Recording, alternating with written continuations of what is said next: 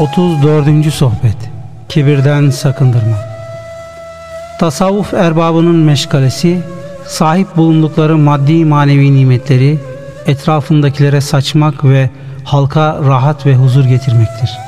Onlar ganimet toplarlar, ganimet dağıtırlar. İzzet ve celal sahibi Allah'ın fazlından ve rahmetinden ganimeti alırlar, toplarlar ve onu fakirlere ve darda kalmış yoksullara dağıtırlar, hibe ederler. Borcunu ödemekten aciz kalmış borçların borçlarını öderler. Onlar sultanlardır. Fakat dünya sultanları değil. Zira dünya sultanları ganimete konarlar fakat ganimet dağıtmazlar. Elden kaçırılmış hisse bekler. Onlar insanların elinden değil, İzzet ve celal sahibi hakkın yediğinden alırlar. Bedenen çalışarak kazandıkları halk için olduğu gibi kalpleriyle kazandıkları da halk içindir. Hem bedenen kazandıklarını hem de kalben kazandıklarını halka verirler. Onların huzur ve rahatı için harcarlar. Onlar bunu sırf Allah rızası için yaparlar. Hevai arzular için yapmazlar. Nefsani maksatlar için yapmazlar. Övülmek, methedilmek için yapmazlar. İzzet ve celal sahibi Hakk'a ve insanlara karşı kibirlenmeyi bırak. Zira kibir, İzzet ve celal sahibi Allah'ın cehennemde kendilerini yüzüstü düşüreceği zalimlerin sıfatları cümlesindendir. İzzet ve celal sahibi Allah'ın takdirine razı olmadığın zaman ona karşı kibirlenmiş olursun. Müezzin ezanı okuduğu zaman hemen namazı edaya koşmuyorsan ona karşı kibirlenmiş olursun. Onun mahlukatından birisine zulüm haksızlık edersen ona karşı kibirlenmiş olursun. Yaratıklarının en zayıfı vasıtasıyla seni mahvetmeden önce hemen ona dön. Nitekim Nemrud'u ve diğer bir kısım hükümdarları mahlukatının en zayıfları vasıtasıyla helak etmiştir. Allah'a dön ve günahlarına tevbe et.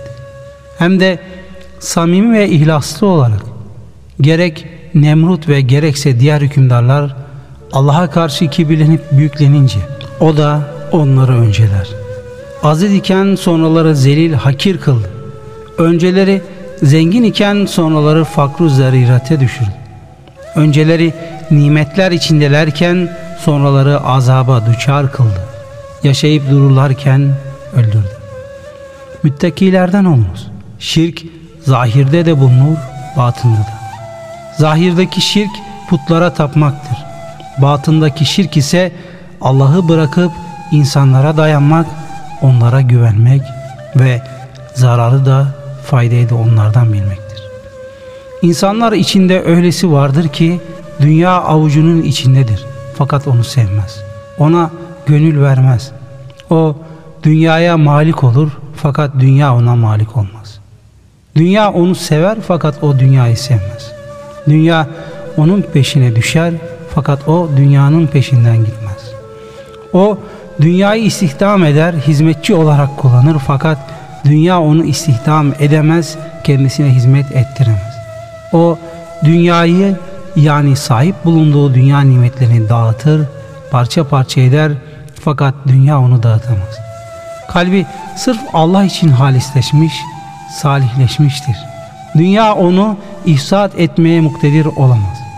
O dünyada tasarrufta bulunur, dünyaya hükmeder fakat dünya onda asla tasarrufta bulunamaz. İşte bunun içindedir ki Nebi sallallahu aleyhi ve sellem şöyle buyururlar.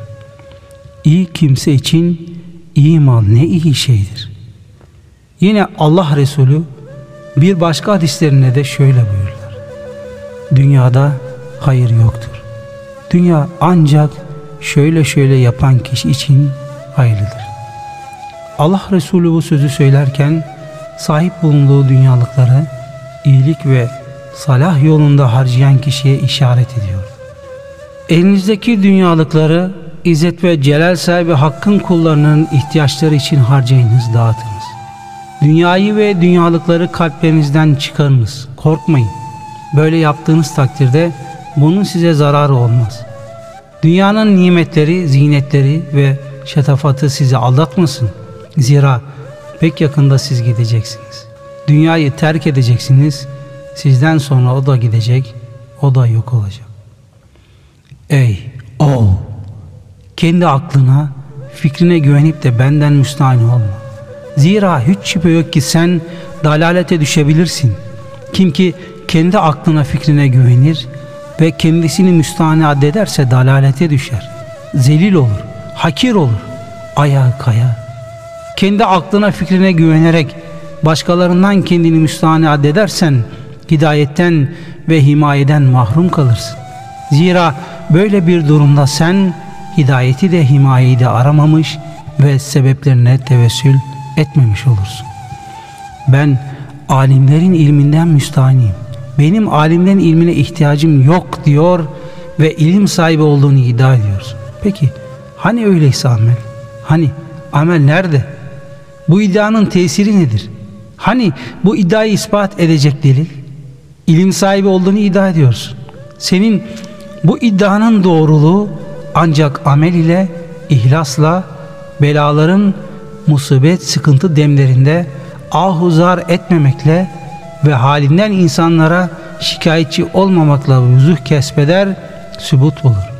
Eğer ilminle amel ediyorsan, amelinde ihlaslıysen, belalara sabredip tahammül gösterebiliyorsan, gerek darlık anlarında ve gerekse bolluk anlarında aynı tavırda sabit kalabiliyorsan, musibetlerin vukuunda ah vah etmiyorsan ve zorluklar karşısında insanlara halinden şikayetçi olmuyorsan işte bu takdirde sen ilim sahibisin demektir.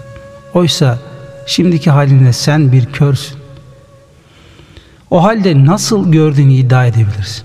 Sen anlayışlı sakin birisin. O halde anlama iddiasında nasıl bulunabilirsin? Bu yalancı iddianda hemen Allah'a dön. Sana yalnız o lazımdır. Başkası değil. Her şeyden yüz çevir ve her şeyin yaratanı Allah'ı ara. Sana ne hak yoldan çıkmışlar lazım ne de sonradan dönüp önceki kusurlarını telafi edenler. Ne mahvolanlar lazım ne de bir takım faziletlere malik olan. Sana mutmain oluncaya ve izzet ve celal sahibi Rabbini tanıncaya kadar sadece nefsinin hususiyeti lazım. Ne zaman ki mutmain olur ve Rabbini tanırsan işte o zaman kendinden başkasıyla alakalanabilirsin. Sana Rabbinin muradının geniş yolu gerek. Oraya girmeli, orada bulunmalısın. Dünyada da ahirette de Rabbinin beraberliğini iste. Sana takva gerek. Allah'tan başka şeylerden, masivadan sıyrılma gerek. Sana ebedi mah, yok oluş ve kendinden geçiş gerek. Emirlerle nehirlerin haricinde hiçbir şeyde nefsini ortaya atma. Hiçbir şeyi kendinden görme, kendinden bilme. Zira hiç şüphe yok ki bütün bunlarda seni ortada gösteren O'dur. Efendiler, hanımlar, sizin hanginize ihlastan bir zerre bulunursa takvadan sabırdan ve şükürden bir zerre bulunursa işte o kurtulacaktır. Fakat ben sizi müflisler olarak görüyorum.